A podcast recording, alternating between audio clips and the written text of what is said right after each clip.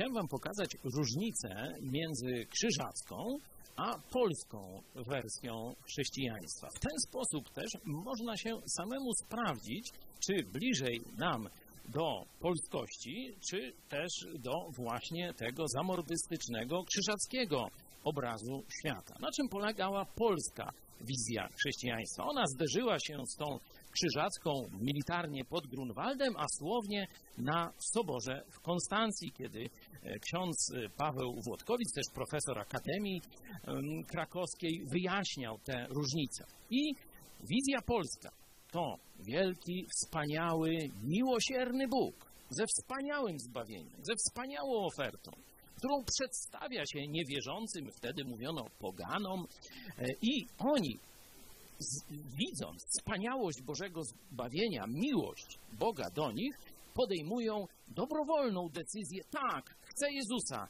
chcę chrześcijaństwa. Wizja krzyżacka. No to Bóg oczywiście wielki, potężny, ale daleki i srogi, mielitościwy, bezlitosny, a ludzi przywołujący do porządku ogniem i mieczem. Na siłę trzeba ich do prawdy przekonać. No i teraz pytanie, która wizja jest bliższa Twojemu sercu?